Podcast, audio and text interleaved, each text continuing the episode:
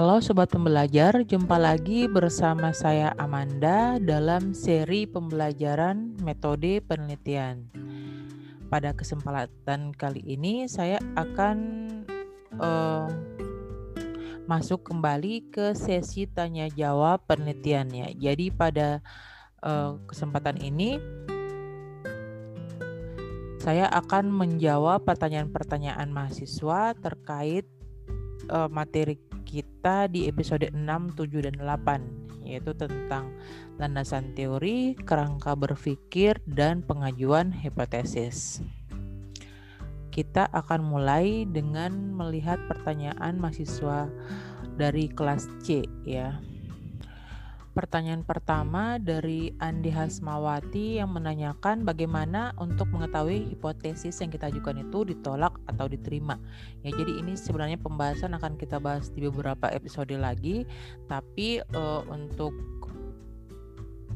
uh, sekedar kalian pahami uh, di sini supaya kita mengetahui hipotesis yang kita ajukan itu ditolak atau diterima, kita melakukan yang namanya uji statistik ya. Jadi nanti itu model uji statistik apa yang akan kita gunakan itu tergantung dari bunyi hipotesis yang kita ajukan. Ya, ya jelasnya eh, kalau misalnya kita bekerja pada sampel berarti kita menggunakan eh, uji statistik yang disesuaikan untuk sampel. Begitu juga untuk populasi. Nah, uji statistik, statistik itu ada yang namanya uji perbedaan. Kalau hipotesis kita adalah hipotesis komparatif, terus ada juga yang uji untuk melihat hubungan ya. Kalau misalnya hipotesis kita adalah hipotesis yang asosiatif. Nah, dari hasil keputusan uji statistik itu baru kita tahu kalau kita akan e, menerima hipotesis nol atau menolak hipotesis nol. Sebaliknya, kita akan menerima hipotesis alternatif atau hipotesis kerjanya atau kita tolak. Lanjut ke pertanyaan Muhammad Adli. Apa yang harus kita lakukan jika hasil penelitian tidak sesuai dengan hipotesis yang diajukan ya. Ini menjadi banyak pertanyaan karena banyak uh, peneliti atau mahasiswa yang berpikiran kalau misalnya uh, hasil penelitian kita tidak sesuai dengan hipotesis yang kita ajukan, maka penelitian kita itu gagal. Bukan seperti itu ya. Jadi seperti yang kita sudah bahas sebelumnya, kalau tujuan dari penelitian kita itu kalau kita menggunakan hipotesis adalah kita mau menguji sebuah teori. Makanya sebelum uh, mengajukan hipotesisnya kita lakukan dulu uh, kita lakukan dulu landasan kita susun dulu landasan teorinya yang uh, mendasari penyusunan hipotesis kita ya yang kita jabarkan lewat kerangka berpikir. Nah, di sini kalau misalnya kita punya hipotesis, ya misalnya hipotesis uh, hipotesis nol kita itu adalah ada pengaruh hasil belajar siswa ketika diajarkan dengan menggunakan model pembelajaran kooperatif. Ya. Itu hipotesis alternatifnya ya. Sementara hipotesis hipotesis nolnya itu adalah tidak ada pengaruh eh, hasil belajar siswa jika diajarkan dengan pembelajaran kooperatif. Nah, biasanya yang kita harapkan ketika kita melakukan uh, penelitian yang meneliti pengaruh suatu model pembelajaran yang kita harapkan adalah model tersebut berpengaruh. Artinya kita harapkan untuk menerima H0 ya. Tapi ternyata uh, bukan menerima H0, menolak H0 ya. Kita meng, uh, mengharapkan untuk menolak H0 atau menerima hipotesis alternatifnya. Tapi ternyata pada saat di lapangan setelah setelah dilakukan tindakan atau eksperimennya dan menilai, menilai hasilnya, menganalisis hasilnya ternyata sama sekali tidak ada perbedaan atau tidak ada pengaruh dari perlakuan pemberian model kooperatif tersebut. Ya artinya kita mengambil kesimpulan kalau kita menerima H0 tidak ada pengaruh dari model pembelajaran kooperatif terhadap hasil belajarnya siswa. Dengan begitu apa yang terjadi? Apakah berarti penelitian kita gagal? Itu tidak ya.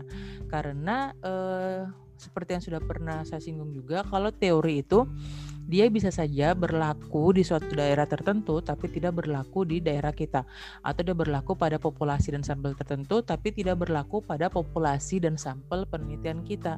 Nah, jadi ketika kita yang kita dapatkan tidak sesuai dengan teori, maka itu tidak menjadi masalah. Ya, itu berarti berdasarkan uh, apa itu menjadi temuan buat kita ya. Nah di sini kita tinggal membahasakan mungkin ada faktor lain yang menyebabkan uh, sehingga pemberian pembelajaran kooperatif ini tidak memberikan pengaruh sama sekali terhadap hasil belajar dari subjek penelitian kita. Oke, jadi tidak uh, tidak masalah ya kalau tidak sesuai. Yang berikutnya Nah ini pertanyaannya Andi Suhemi tadi ibu lihat ada kaitannya dengan pertanyaan salah seorang temannya. Ini yang bertanya tentang uh, peramalan. Ya, jadi kan uh, kemarin dijelaskan kalau fungsi dari teori itu adalah untuk uh, menjelaskan ada fungsi menjelaskan, meramalkan dan pengendalian. Ya, jadi modelnya itu uh, contoh-contohnya di sini Bu akan kasih secara spesifik beberapa contoh lagi.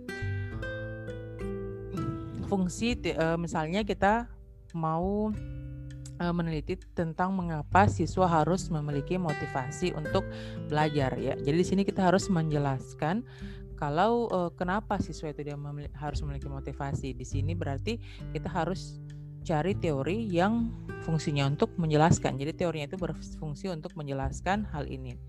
Yang berikutnya, kalau kita mau uh,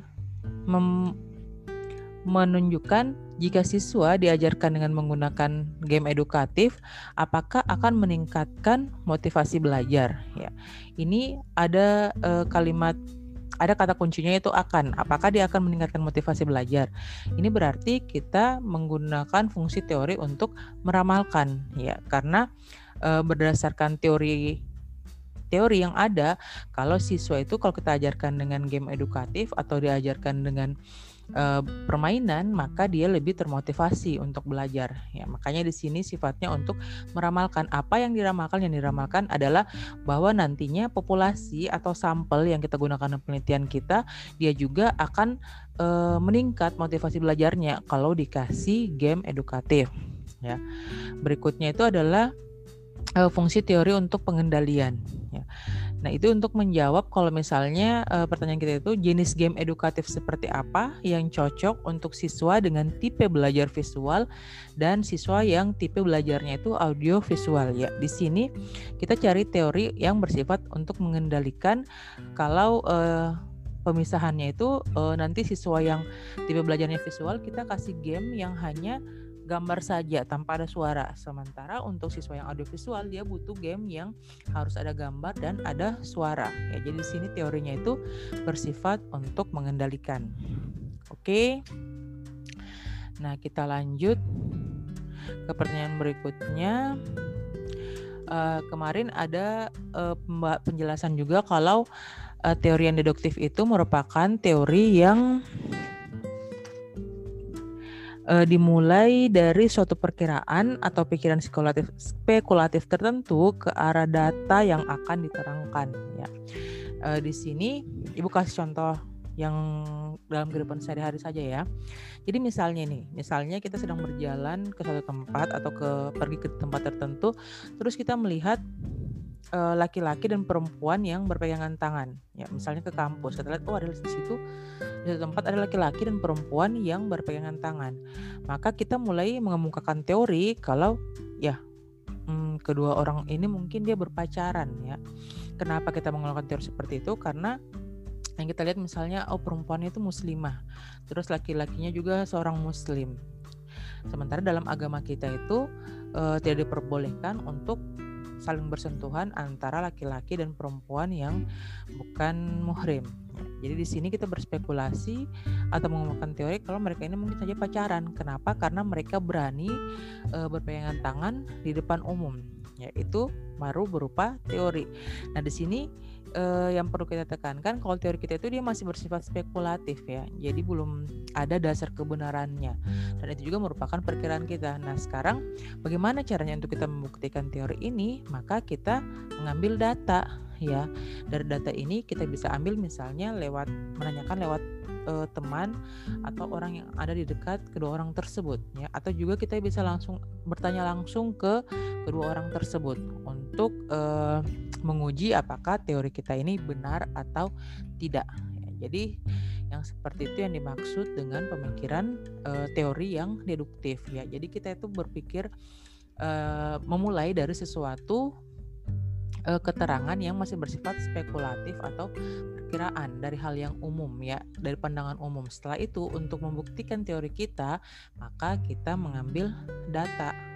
Ya maka kita lihat data atau lihat langsung ke kondisi lapangan yang ada. Seperti apakah dia itu mendukung teori kita sehingga teori kita bisa kita yakini untuk benar atau malah sebaliknya.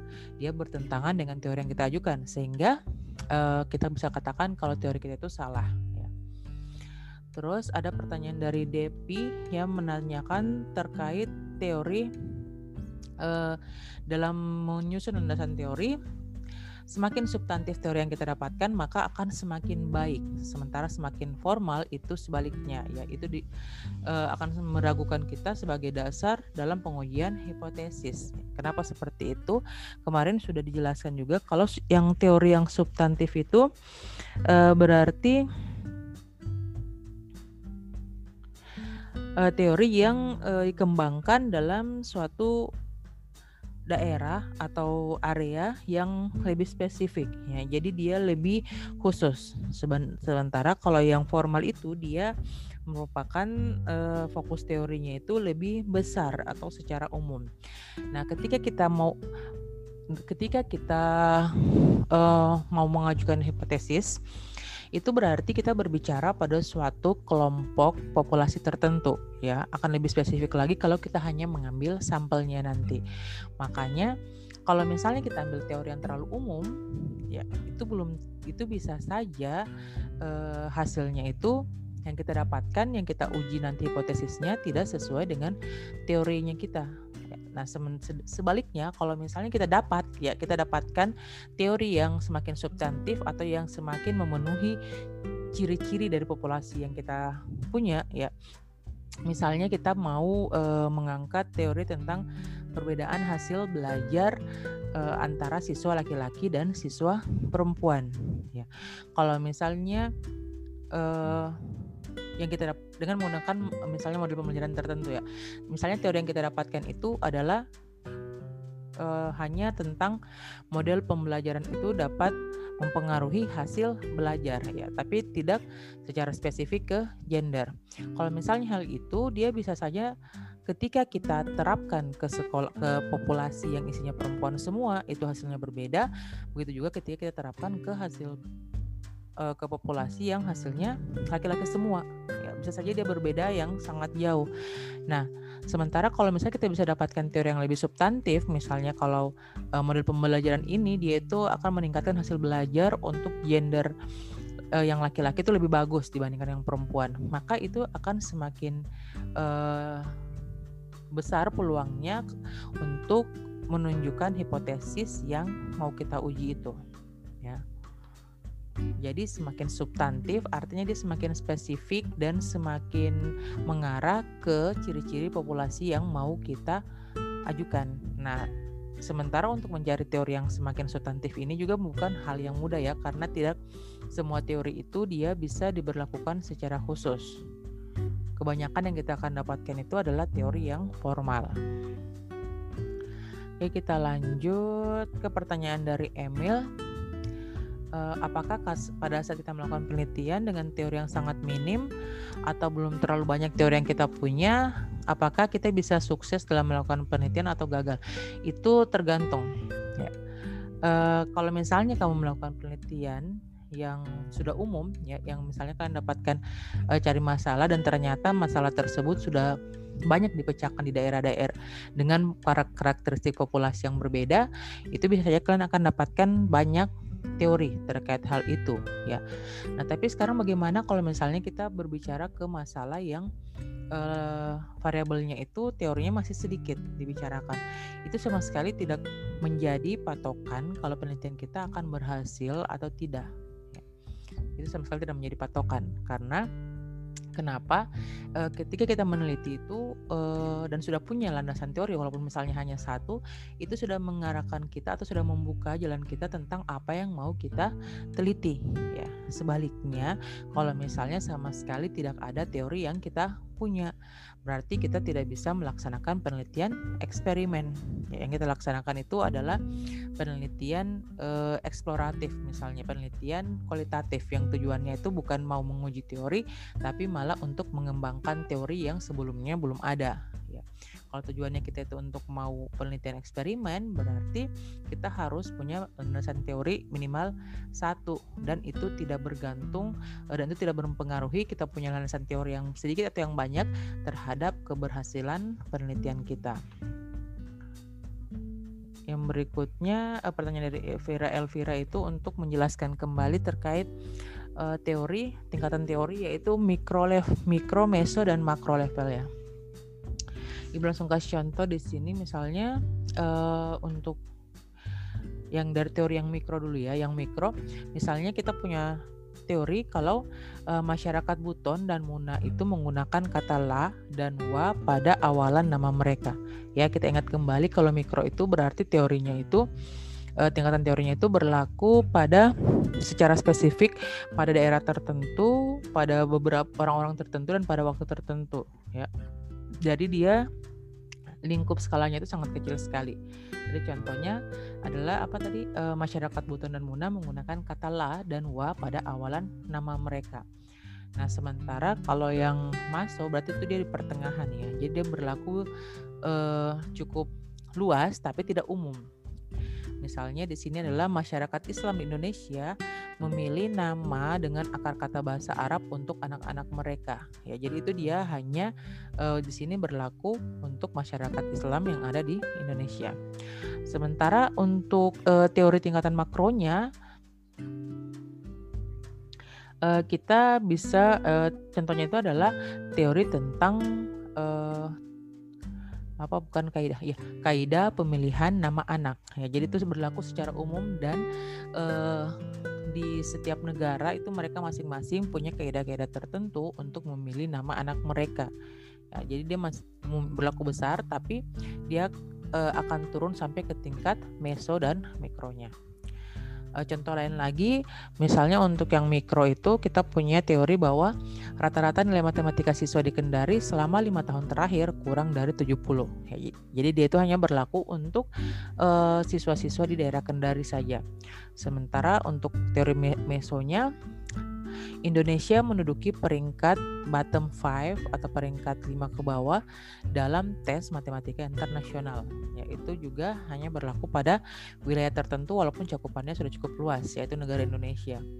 Sementara untuk e, teori makronya, matematika adalah mata pelajaran yang sulit untuk dipelajari. Ya, itu berlaku umum di seluruh dunia. Ya, tidak ada e, ibu belum menemukan ada negara yang siswanya itu menganggap yang semua siswanya itu menganggap kalau matematika itu adalah pelajaran yang mudah. Oke, semua contohnya jelas ya. Kita lanjut ke pertanyaan dari Halimatus Sania.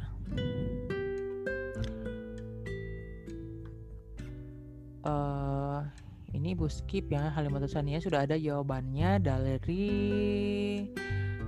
uh, pertanyaan pertamanya itu sudah ada di jawabannya di video pembahasan ibu. Yang kedua yang menjadi landasan teori yang kuat dalam sebuah penelitian. Kalau menurutnya ibu teori yang kuat itu adalah teori yang semakin substantif. Ya. Jadi yang semakin spesifik teori ke apa semakin spesifik teori yang kita dapatkan yang sesuai dengan ciri-ciri dari populasi yang kita ambil atau subjek penelitian kita maka itu akan semakin baik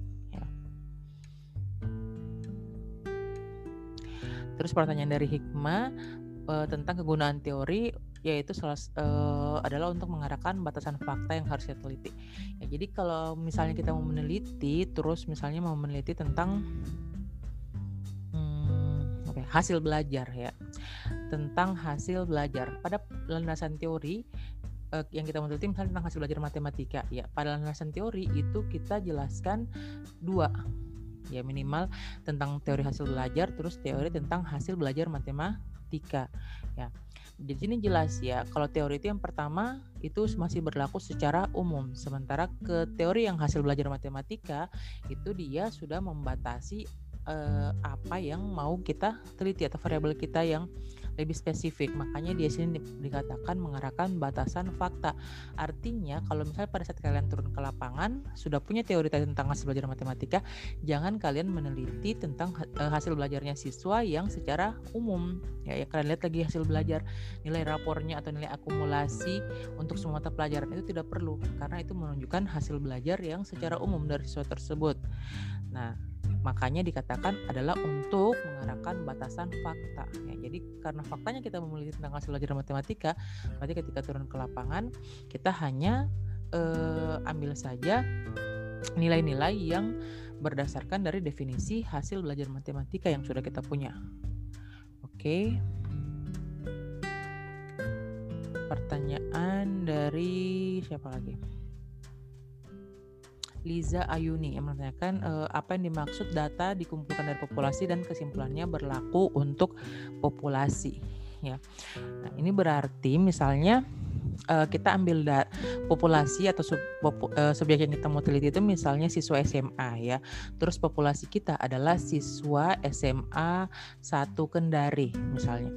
Terus kita menemukan kalau misalnya uh, kesimpulannya itu adalah uh, didapatkan kalau hasil belajar agama sis agama siswa SMA 1 ini dia meningkat ketika belajar menggunakan praktek langsung.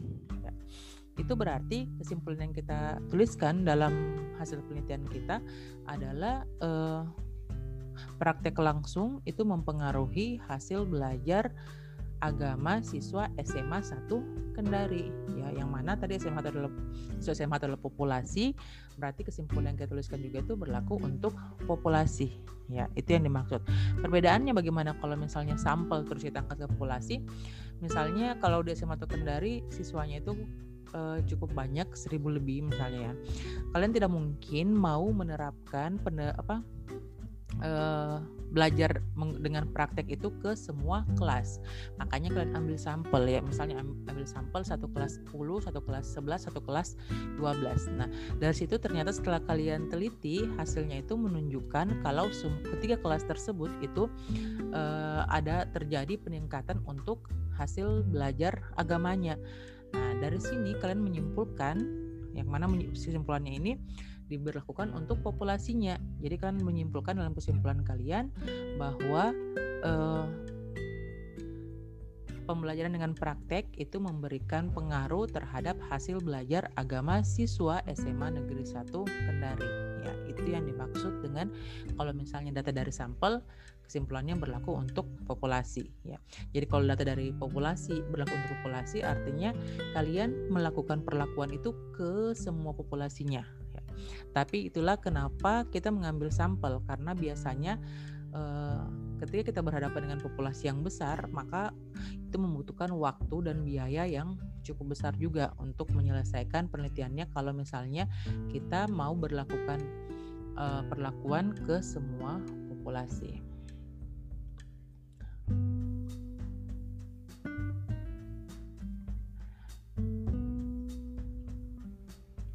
Pertanyaan dari Nertati, peneliti yang sukses dalam penelitiannya seperti apa? Peneliti yang sukses itu adalah peneliti yang melakukan proses penelitiannya dari awal sampai akhir itu dengan benar dan tepat ketika uh, mengambil kesimpulan. Ya, jadi dia melakukan prosesnya dengan benar ya. Dia dari mencari masalah, terus merumuskan masalah, menentukan judul, tujuan penelitiannya apa, terus membuat landasan teorinya baik sesuai dengan variabel-variabel yang mau dia teliti. Lalu dia uh, susun kerangka berpikir dan mengarah ke hipotesis. Setelah itu dia punya uh, hipotesis, dia susun instrumennya, dia untuk mengambil data, lalu dia turun ambil data di lapangan, dapat data dia analisis. Setelah itu setelah dianalisis hasil analisisnya dia bahas dan dia tarik kesimpulan yang tepat, maka berarti penelitinya sukses. Jadi penelitian sukses itu dia mengikuti proses yang benar, proses yang sesuai dan kesimpulannya tepat. Oke. Tadi ini ya pertanyaan dari Nur Haliza yang Ibu sudah jawab di awal tadi tentang uh, fungsi teori untuk melukiskan, menerangkan dan meramalkan. Oke. Terus Nurul Fadilah, Nurul Fadilah itu bertanya tentang uh, konsep dan asumsi ya dalam sebuah teori.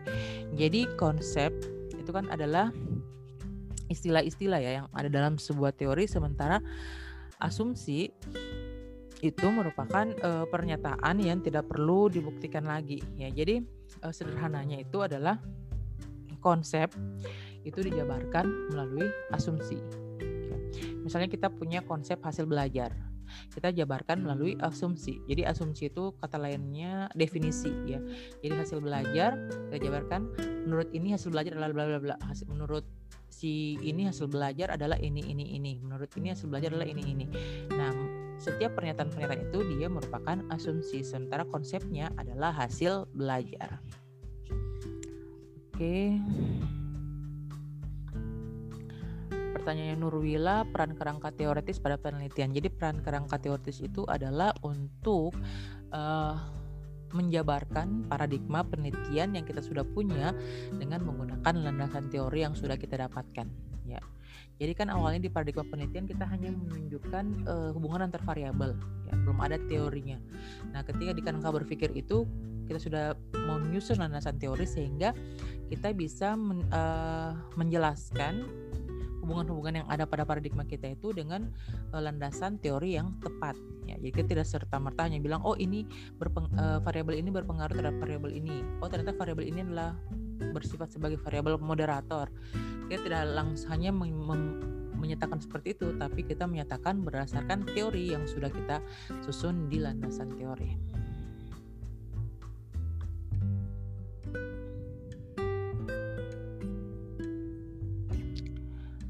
Ada pertanyaan dari Ratna Sari, penelitian kuantitatif itu menggunakan hipotesis kerja atau hipotesis nol atau dua-duanya? Ya, jadi harus dua-duanya ya.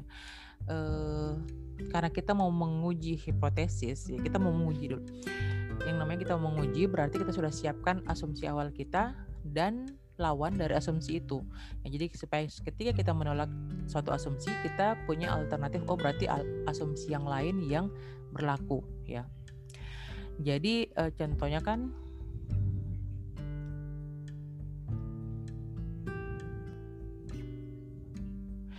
Nah, jadi contohnya kan seperti tadi uh, kita punya hipotesis nol bahwa uh, yang kita mau teliti adalah misalnya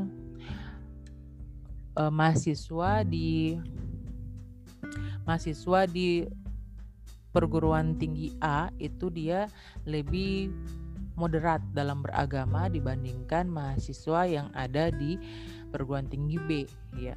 Jadi hipotesis kerjanya kita ya, yang mau kita apa? Yang mau kita terima, yang mau kita uji itu dia adalah pernyataan tadi bahwa uh, mahasiswa perguruan tinggi A itu lebih moderat dalam beragama dibandingkan mahasiswa di perguruan tinggi B. Nah, sekarang ketika misal jadi ketika kita menguji dan itu tidak terbukti, berarti apa alternatif uh, jawaban yang benar? Maka ada yang namanya hipotesis nol. Hipotesis nol itu dia adalah uh, bahwa uh, tidak ada perbedaan moderasi beragama antara hipotesis antara hipotesis lagi antara mahasiswa di perguruan tinggi A dan mahasiswa di perguruan tinggi B ya. Oke. Oh ya, ini juga terkait dengan uh, ada pertanyaan mahasiswa bahwa yang seperti apa itu uh, Ibu nyatakan kemarin di materi tentang hipotesis kalau hipotesis nol itu adalah pernyataan yang negatif sementara hipotesis kerja itu di uh, apa dituangkan dalam kalimat yang positif. Ya sementara hipotesis nol itu kalimatnya negatif. Yang mana apa maksudnya kalimat positif dan negatif ini? Jadi yang maksudnya kalimat positif itu adalah uh, yang sesuai dengan arahan atau tujuan penelitian kita. Misalnya tadi kita mau meneliti tentang uh, perbandingan moderasi beragama dari perguruan tinggi A dan perguruan tinggi B. Sementara di hipotesis. Jadi yang tapi dari berdasarkan teori atau observasi yang sudah kita lakukan, ternyata si perguruan tinggi A itu mahasiswanya lebih moderat dibandingkan yang perguruan tinggi B.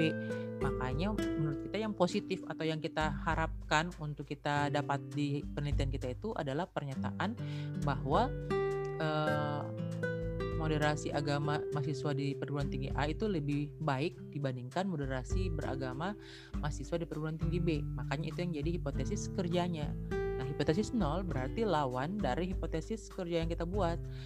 lawannya berarti adalah apa? Tidak ada perbedaan antara moderasi beragama di mahasiswa perguruan tinggi A dan perguruan tinggi B tersebut. Nah, dia digolongkan sebagai kalimat negatif karena e, berlawanan dengan kalimat positif yang mana itu berhubung, berhubungan dengan tujuan penelitian kita itu. Ya, jadi tidak ada pembeda misalnya kata tidak. Kan biasa kalau apa kalimat negatif itu yang dalam pikiran kita itu udah menggunakan kata tidak kata yang berlawanan yang jelas antonimnya ya yang jelas lawan katanya. Sementara ini dia disesuaikan dengan tujuan kita atau hipotesis mana yang cenderung untuk kita terima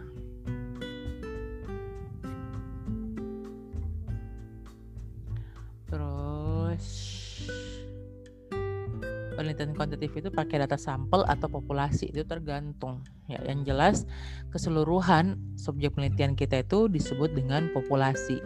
Kalau populasinya kita cukup kecil dan kita tidak perlu untuk mengambil sampel kita bisa langsung teliti semua populasinya berarti hanya pakai populasi saja.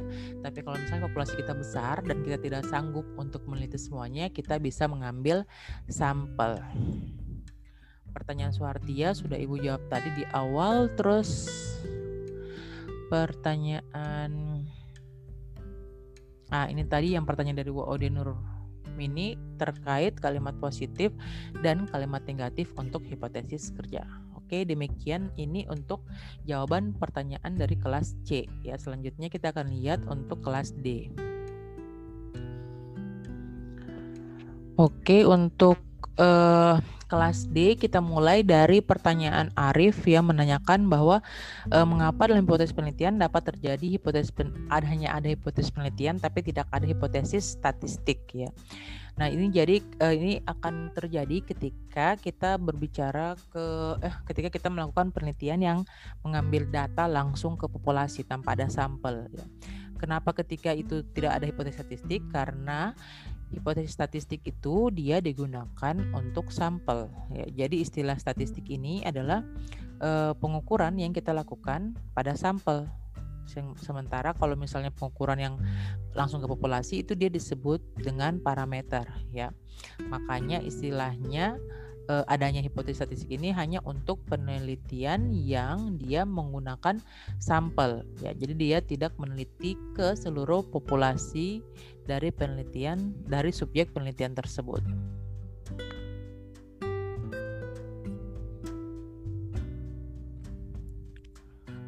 Nah, pertanyaan Harna ini juga cukup menarik eh, dan sudah saya jawab tadi sebenarnya apakah peneliti harus mengulang kembali uji tesnya jika jika yang diterima itu adalah hipotesis nol ya. Karena kan biasa uh, harapan kita ketika melakukan penelitian adalah kita menolak hipotesis nol. Karena tadi uh, sudah ibu jelaskan kalau hipotesis nol itu dia bersifat sebagai kalimat negatif dalam uh, penelitian kita ya. Jadi itu yang kita harapkan untuk kita tolak. Tapi bagaimana kalau misalnya hipotesis nolnya yang kita hasilnya itu hipotesis nol yang kita terima? Jadi itu tidak masalah ya jadi walaupun tidak sesuai dengan kerangka berpikir itu tidak masalah karena kenapa? Ini kalau yang kita maksud adalah penelitian eksperimen yang mana tujuan kita itu adalah menguji hipotesis itu sama sekali tidak bermasalah kalau misalnya hasil uji kita itu dia tidak sesuai dengan kerangka teori atau landasan teori yang kita punya ya karena itu e, bisa terjadi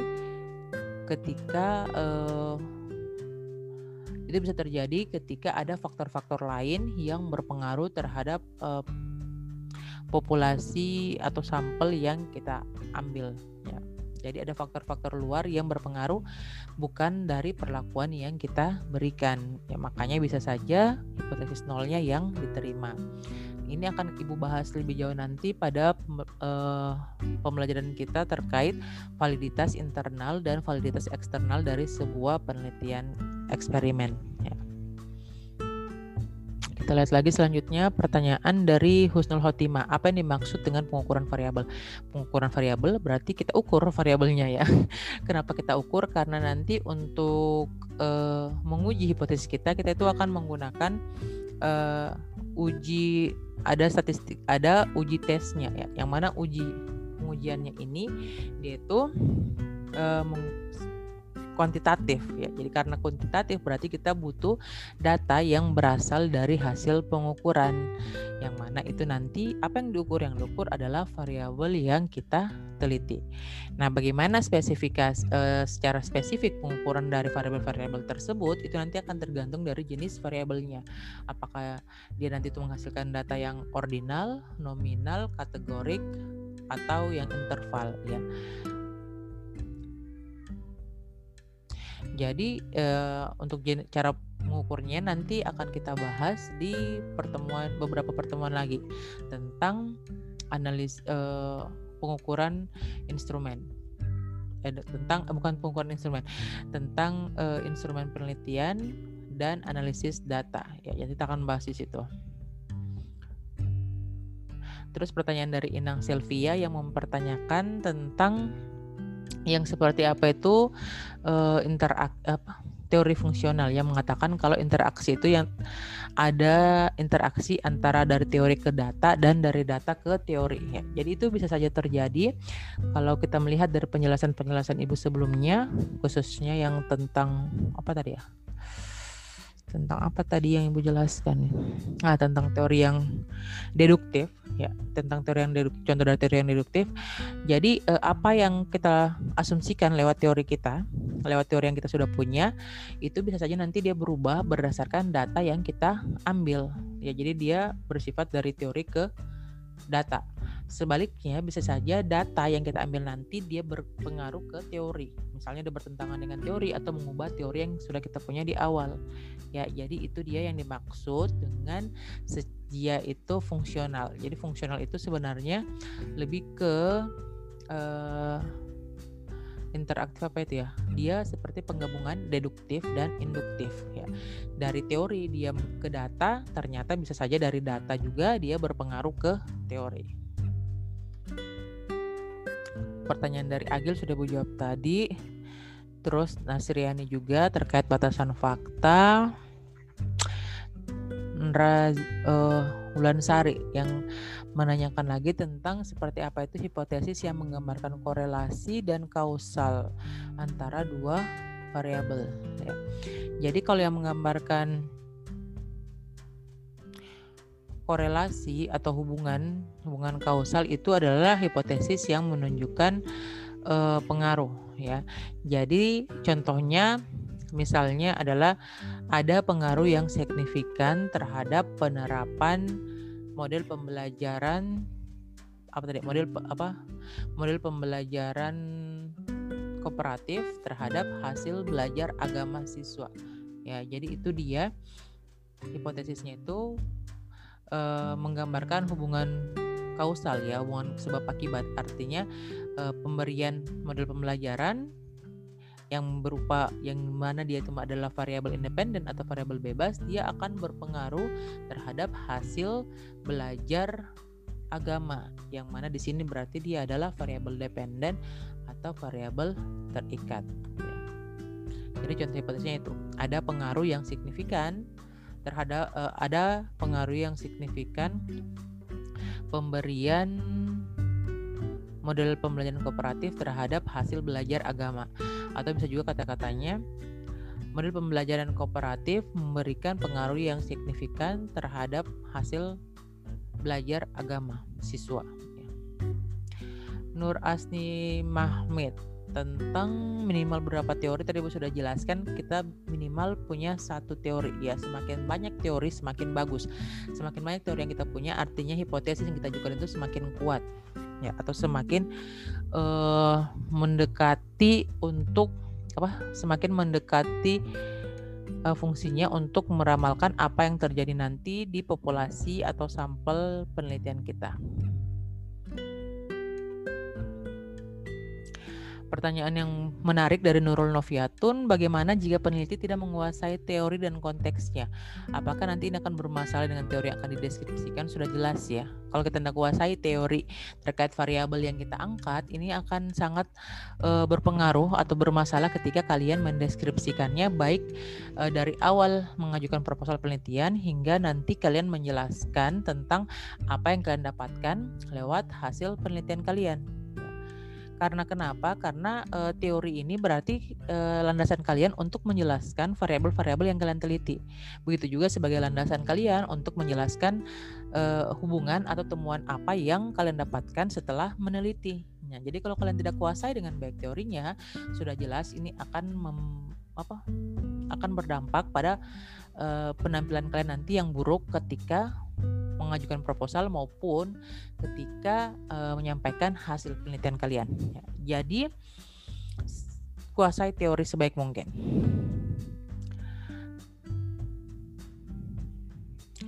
Rahman Hamid. Ya, ini pertanyaan juga menarik. Bagaimana hipotesis yang digunakan yang digunakan jika menggunakan variabel intervening atau variabel moderator. Apakah sama saja dengan variabel dependent dan independent? Ya, kalau variabel moderator dia itu kurang lebih sama ya karena uh, dia itu sering juga disebut sebagai variabel independen kedua. Nanti ibu kasih contoh sebentar ya.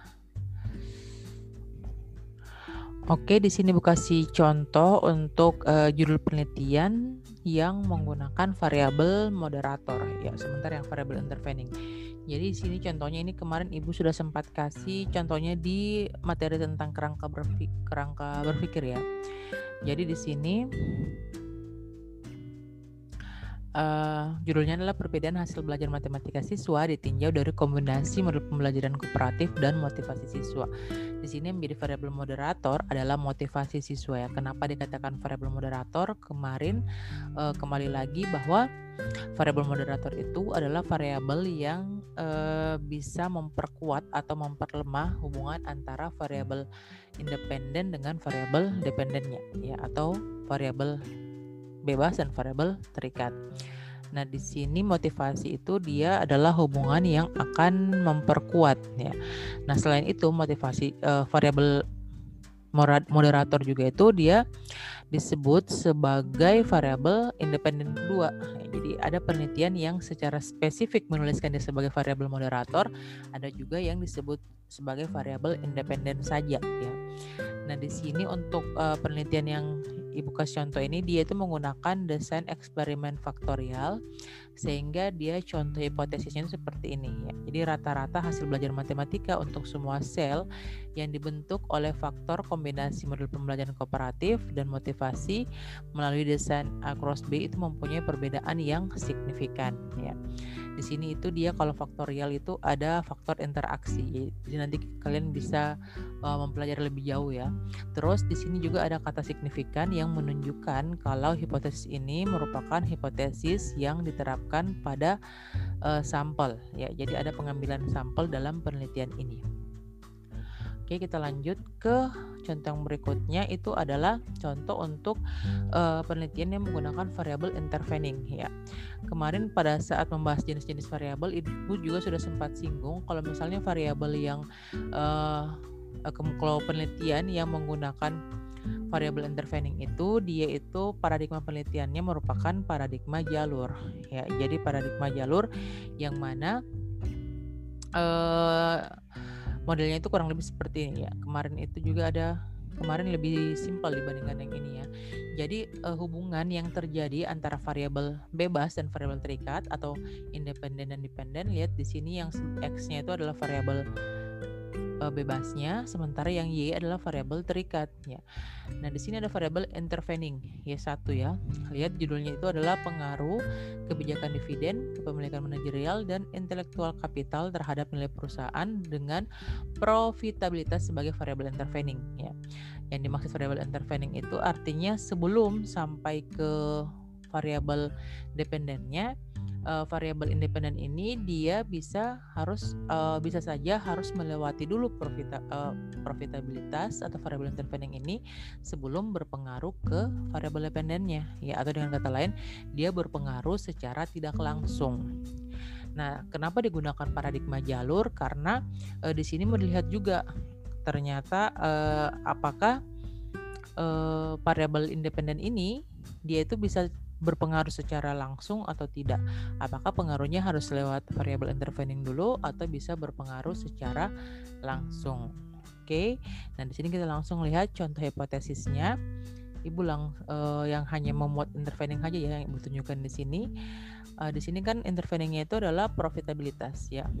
Jadi yang pertama itu ada pernyataan hipotesis yang menunjukkan hubungan antara si intervening ini dengan variabel independennya, eh variabel dependennya ya.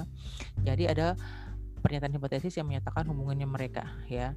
Di sini pengaruh berarti hubungannya itu adalah sebab akibat atau kausalitas ya.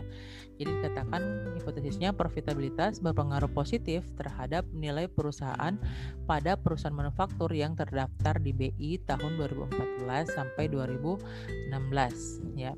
Yang berikutnya adalah ini untuk hipotesis yang menunjukkan hubungan e, dari variabel independen ke variabel dependennya yang melalui intervening ya. Di sini bunyinya profitabilitas merupakan variabel intervening antara kebijakan dividen terhadap nilai perusahaan. Ya. Jadi dia ini ada penjelasan kalau dia itu menjadi variabel intervening. Nah, tadi kalau berbeda dengan hipotesis yang tadi dia menggunakan kata signifikan berarti menggunakan sampel. Sebaliknya untuk hipotesis yang ini dia tidak menggunakan uh, kata signifikan berarti dia itu langsung ke populasi. Dari mana kita lihat kalau langsung ke populasi karena dia di sini secara spesifik menyebutkan perusahaan manufaktur yang terdaftar di BI tahun 2014 sampai 2016. Oke, kita lanjut ke pertanyaan berikutnya. Oke, kita lanjut ke ada pertanyaan dari Saraswati masalah konsep dan asumsi bisa jelaskan tadi terus peranan kerangka berpikir pada sebuah penelitian itu adalah uh, sudah ibu jelaskan juga tadi bahwa dia itu untuk uh, menjelaskan gambaran umum bagaimana uh, hubungan antara variabel uh, dalam penelitian kita dan uh, menghubungkan antara landasan teori ke hipotesis penelitian yang kita ajukan. Pertanyaan berikutnya, apakah hipotesis statistik digunakan dalam penelitian kuantitatif kualitatif? Tidak ya. Jadi hipotesis statistik dia hanya digunakan pada penelitian kuantitatif saja. Terus Sumiati peran kerangka berpikir sudah ya. Kita lihat pernyataannya Suti Admini sudah mau jawab juga tadi. Uh, Ode Hardiana teknik pengambilan sampel nanti kita bahas di episode tersendiri. Nah, oke. Okay. Ya, jadi tadi pertanyaan uh, sudah semua ya. Nah, demikian uh, pertanyaan untuk kelas D. Oke, pertanyaan dari uh, terakhir dari kelas D tadi mengakhiri uh, penjelasan dari sesi Q&A kita kali ini. Semoga setiap jawaban yang Ibu berikan itu uh, bisa dipahami dan jika ada kesalahan Ibu minta maaf uh, dan kalian bisa mengcross check jawaban-jawaban ibu dengan membaca lebih banyak lagi ya. Jadi ibu bisa saja keliru dalam menjawab tadi. Jadi kalian silakan mengecek dengan membaca lebih banyak referensi terkait penelitian baik penelitian kuantitatif maupun kualitatif. Terima kasih atas kesempatan yang sudah kalian luangkan untuk menyaksikan episode kali ini. Semoga bermanfaat. Assalamualaikum warahmatullahi wabarakatuh. thank you